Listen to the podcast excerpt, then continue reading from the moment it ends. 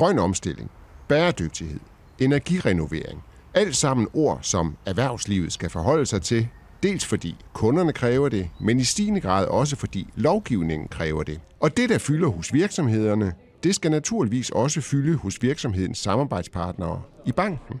Det ene er det, at vi rigtig gerne vil udfordre kunden i forhold til deres arbejde med bæredygtighed. Og en anden ting er, at vi også rigtig gerne vil understøtte kunden, så vi forhåbentlig kan hjælpe kunden med at integrere bæredygtighed i deres organisation eller komme i gang med rapportering. Derfor er Jyske Bank begyndt at uddanne bankrådgiverne i bæredygtighed. De forstår kunden bedre, når de bevæger sig ud i det her begrebsunivers omkring bæredygtighedsbegreberne. Øh, en anden ting kan være at hjælpe kunden i forhold til, hvor er det, man skal søge hjælp til rapportering. Hvad er det lige præcis, vi skal rapportere på?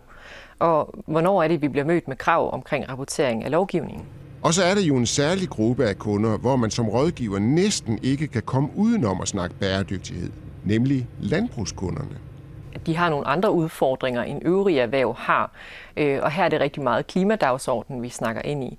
Derfor har alle vores øh, rådgivere og partnere i landbrug fået en ekstra overbyggelse på uddannelsen i samarbejde med SEGES, hvor de har fået særligt øh, særlig viden omkring landbruget og de klimapåvirkninger, der er i landbruget, så har de fået redskaber til at lære at analysere et klimaregnskab og virkemidler til, hvordan man så kan nedbringe sin CO2-udledning som landbrugskunde.